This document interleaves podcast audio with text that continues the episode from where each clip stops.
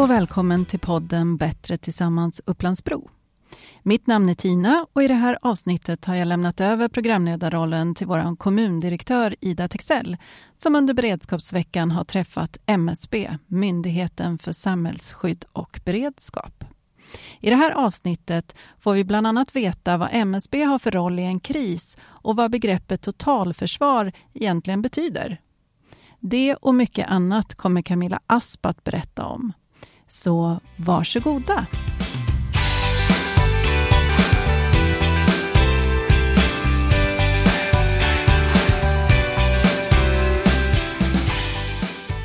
Idag har vi den stora äran att ha med oss överdirektör på MSB, Camilla Asp. Hej Ida! Hej Camilla! Varmt välkommen till Upplandsbro! Tack så mycket! Vi är så nyfikna på både dig och MSB och i den här podden så strävar vi efter att höja kunskapen och informera mera. Kan du berätta vad MSB gör och vad ni har för uppdrag? Ja, men vi är ju, ja, det långa namnet för oss det är Myndigheten för samhällsskydd och beredskap, MSB. Och det vi gör, vi har ett väldigt brett uppdrag. Man kan förenkla det och säga att vi dels när det händer någonting, när det är en kris i samhället. Det kan vara en skogsbrand, det kan vara en cyberattack, det kan vara ja, andra jobbiga händelser i samhället. Då har vi en roll att vara med och se till att den här hanteringen av krisen flyter på på ett bra sätt, att den samordnas så att den blir effektiv, i alla fall på nationell nivå. Eh, men vi har vid sidan av det också ett stort uppdrag att se till att alla de som jobbar när det är kris, innan eller under kriser och, och, om det allra värsta skulle hända krig, att man har så god förmåga som möjligt att lösa sina uppgifter så att vi ser till att stärka andra att vara duktiga. Det är jättefint att höra. Så man kan säga ett både utbildande uppdrag men också ett samordnande uppdrag. Ja precis. Alltså, när vi säger det här att vi stärker, ser till att andra får förutsättningar att göra ett bra jobb så handlar det mycket om att utbilda som du säger. Det handlar om att vi ordnar övningar så att man kan öva tillsammans. Eh, vi ger faktiskt också pengar ibland för att man ska kunna stärka upp sin beredskap Eh, och vi gör också analyser och så som kanske mer är till regeringen. Alltså hur går det egentligen med den svenska beredskapen? Är den bra eller dålig? Och så ger vi analyser till regeringen om det. Så ett väldigt brett uppdrag. Jätteintressant. Så vad är då egentligen samhällsskydd, Camilla? Vad ingår i begreppet?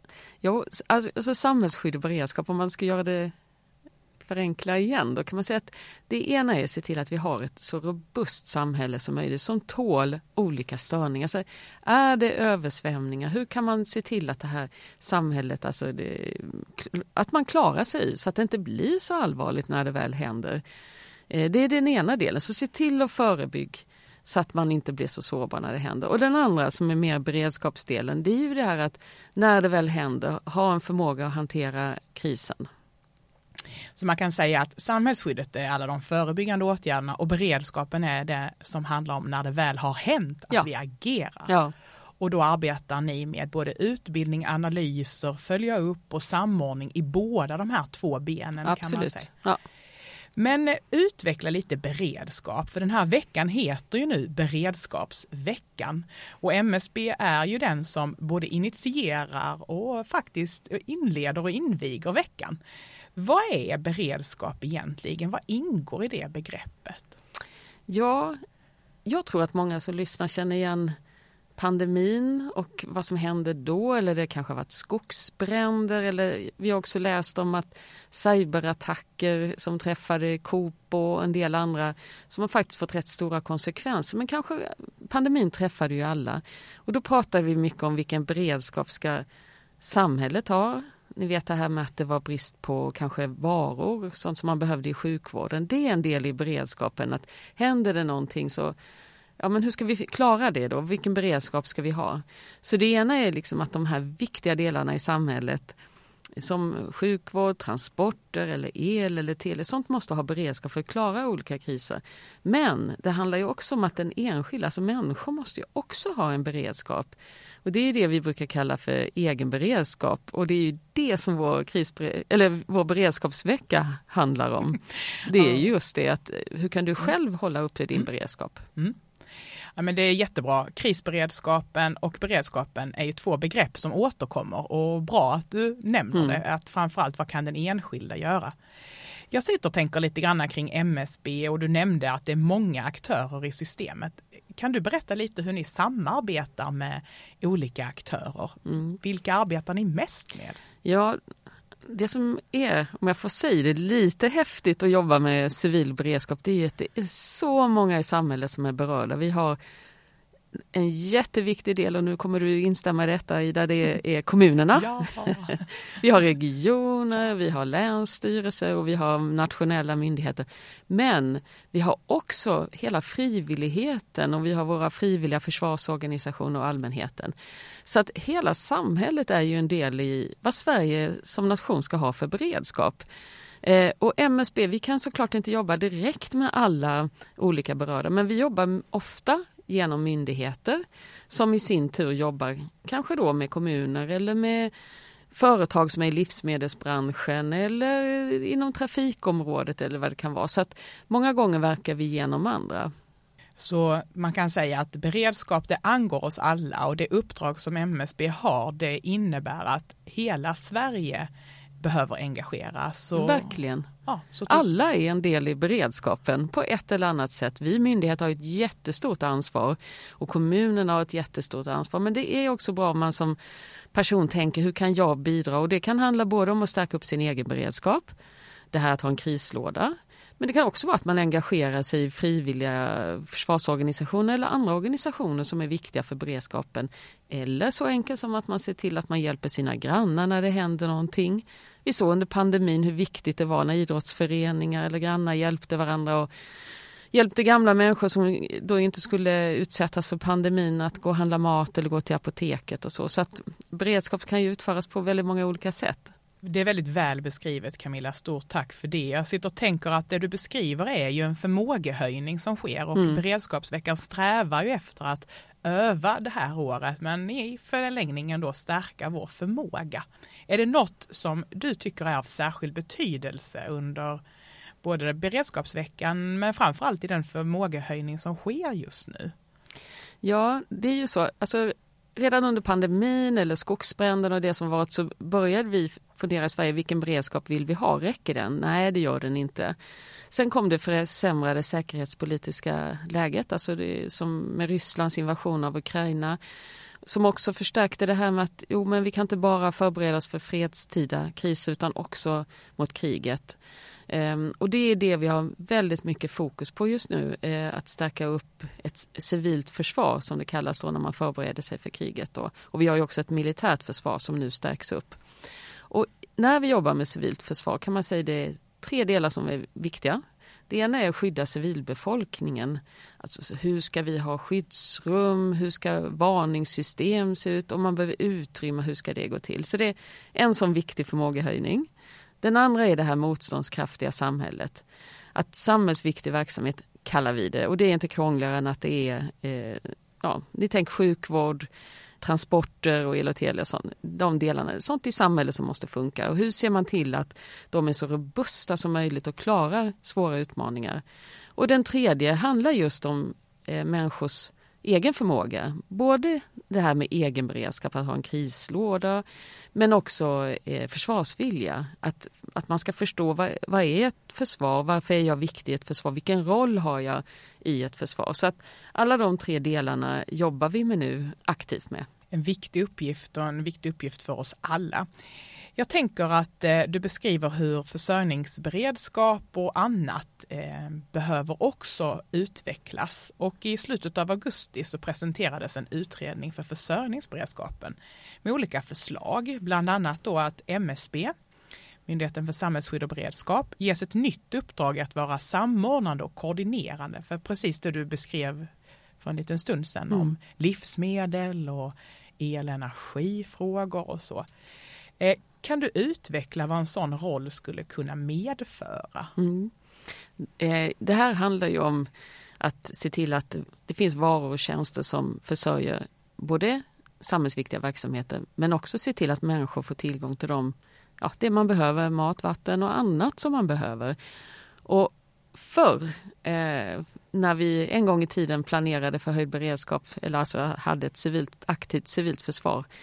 Det här lades ner under 90-talet någon gång.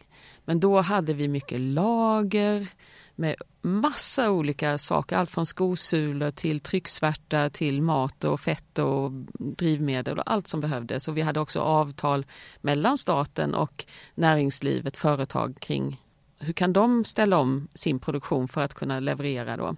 Det fanns då, men allt det försvann. Nu eh, när vi planerar igen så säger vi att ja, vi måste ha den här beredskapen. Eh, och då för att hitta en organisation för det så finns det ett förslag nu att MSB tar ansvar för att hålla ihop den här försörjningsberedskapen.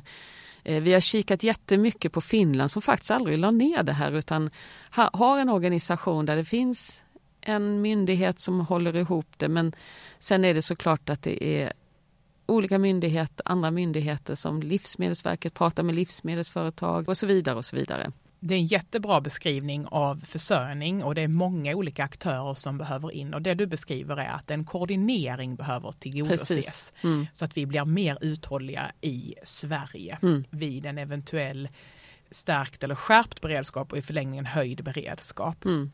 Det här med försvarsvilja och människors egen vilja att bidra är något du betonar i vårt samtal. Eh, och inte minst då kanske hur vi kan förbereda oss i tidigare avsnitt har vi pratat med GD för Plikt och prövningsverket där vi lärt oss mer om plikt och hur det går till att göra sin eh, mönstring. Men så finns det något som heter civilplikt. Vad är det Camilla? Ja, vi börjar i en annan ände kan säga att alla har ett uppdrag i totalförsvaret. Mellan 16 och 70 år så är man faktiskt skyldig att delta i ett totalförsvar. Så att man, därigenom så, ja, för de allra flesta så handlar det om att gå till jobbet som vanligt eh, och göra det man ska. Ibland kan det vara så att man blir eh, placerad någon annanstans och ska göra någonting annat där det kanske behövs extra hjälp i sjukvården eller jordbruk eller ja, vad det skulle kunna vara. Men sen finns det vissa områden där vi ser att ja, men det här räcker inte det här med att eh, ha en allmän plikt att delta under 16 till 17 utan vill vi säkra upp vissa resurser och där vi också behöver utbildning för att man ska kunna klara det. Civilplikt innebär då, och det kallar vi för civilplikt, och det innebär att vissa personer kommer redan i förväg få veta att de ska jobba inom ett visst område. Och det är en skyldighet för dem att göra det och de behöver få utbildning och annat som behövs för att de ska kunna ta det, den rollen. Och ett exempel nu då som vi jobbar med det är inom räddningstjänsten. För det är ju så, om någonting händer så behövs det mer gummor och gubbar om man får kalla det så, som, som hjälper till i det här arbetet och då jobbar vi med att få en civilplikt för det. Och då blir det sådana eh, personer som redan har gått en utbildning till att jobba i räddningstjänsten men som idag inte gör det. De kommer vara civilpliktiga. Men det kan komma på flera områden framöver också. Det är en, en, bra beskrivning av plikt tycker jag och fint att eh, också betona som du gör med åldern att vi alla har ett uppdrag. Så då kan man säga att både i våra normala uppdrag och mm. våra normala ämbeten så ska vi gå till jobbet men sen finns det några som ska göra lite till och i detta fallet så är beslutet taget för räddningstjänst mm. för exempelvis röjning av rasmassor. Och det ska man ju säga, civilplikten är ju någonting som man har under civilt försvar, alltså när det är höjd beredskap. Så det är inte vanliga fredstida kriser som man kallas in till utan det är höjd beredskap. Mycket, mycket väl formulerat och väldigt tydligt. Så tjänsteplikt och civilplikt. Mm. Och nu har man börjat kan man säga i vårt land med räddningstjänst. Ja, och så Sök utvecklas och räddning det. och utvecklas det vidare. Mm. Bra. Du beskrev tidigare hur viktigt det var att eh, vi bibehåller samhällets funktionalitet eh, för att säkra vår försvarsvilja. Det vill säga att vi har goda förmågor att klara oss. Vi har sett i Ukraina att just förmågan att bibehålla normala funktioner i så stor utsträckning som möjligt som skola, äldreomsorg, bra vägar och farbara strukturer bidrar till människors vilja att försvara sitt land. Ett totalförsvar omfattar oss alla Eh, och jag vet att du nämnde också frivilliga försvarsorganisationerna som är en del i vår både försvarsvilja men också att engagera samhället. Vill du berätta lite om hur ni ser på de frivilliga försvarsorganisationerna? Överhuvudtaget så är frivilligheten väldigt viktig. Eh, det som jag sa tidigare, det kan vara frivillighet att man hjälper grannen. Men det kan vara frivilliga organisationer som man är inne i, idrottsföreningar som gör någonting när det är en kris. Men så har vi då frivilliga försvarsorganisationer.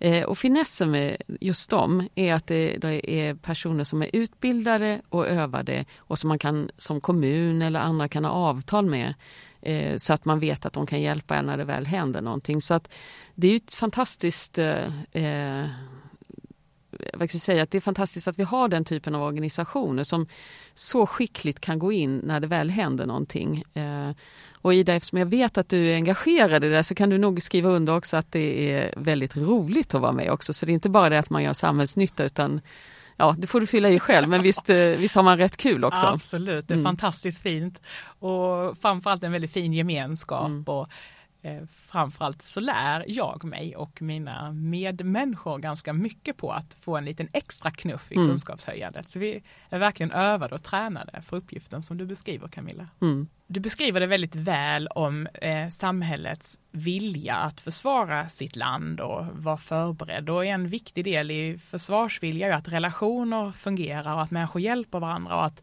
samhällets funktionalitet upprätthålls, att barn kan gå till skolan och att det här kittet eller vad ska man säga, limmet som håller oss samman också finns mm. i en känsla för sitt land. Kan du utveckla lite både dina erfarenheter och dina tankar om, om, om både kulturen och, och skolans betydelse vid ett samhälle i kris?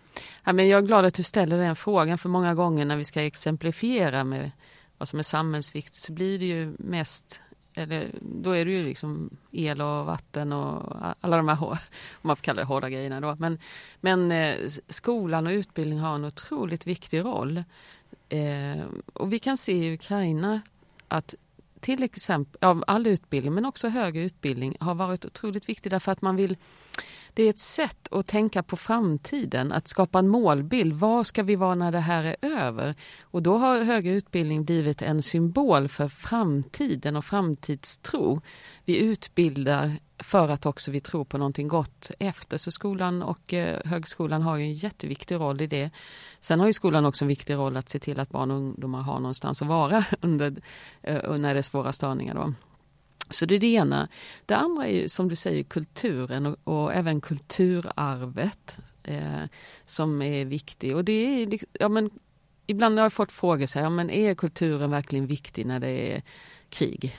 Ska man lägga pengar på det? Men på samma sätt som kulturen är viktig i vardagen så är den ju också i krig. Det kan handla om att förstå och tolka sin omvärld men det kan ju också vara så att man går på bio och bara under några timmar får göra någonting helt annat än att tänka på den här jobbiga situationen. Så att kulturen, lika viktig som kulturen är i vardagen här och nu, att förstå vad omvärlden eller underhålla eller vad man nu har för syfte, lika viktigt kommer det ju vara när det är höjd beredskap. Och återigen om man ska jämföra med Ukraina så ser vi ju att de här eh, orkestrarna, eh, teatrarna, de håller ju öppet så långt de kan. Ibland kan de inte vara i sina vanliga lokaler. Eh, det kanske inte, en del kanske är ute i strid så de kanske inte har alla på plats men de, så anstränger sig för att hela tiden kunna upprätthålla och se till att man kan spela teater eller ge konserter eller vad det kan vara. Jag hörde säga hur viktigt det är med både återhämtning för att orka ja. Eh, och återuppbygga också. Mm. Och berättelsen om både hopp och, och mänsklighet ja. ligger någonstans i det du precis beskriver. Mm. Otroligt viktigt. Du har ett, ett härligt, viktigt och väldigt angeläget jobb tycker jag. Tack detsamma. och så min eh, sista fråga som är av lite mer personlig karaktär det är vad är det bästa med ditt jobb Camilla? Ja men eh, vet du vad, nu kan jag låta en, jag kan, jag kan rabbla hundra exempel men jag tycker det är så roligt när jag får, får eh, komma till till exempel kommuner eller frivilliga organisationer som jobbar med de här frågorna i praktiken. Eh, jag tycker det så, jag blir väldigt varm i hjärtat när jag ser vilket engagemang som finns runt om för de här frågorna. För utan det så är, har vi ingen bra beredskap. Så det tycker jag är en av de, ja, en av de som ger mig bäst energi. Stort tack Camilla! Jättefint att få ha dig här och mm. tack för ett jättefint samtal. Tack själv!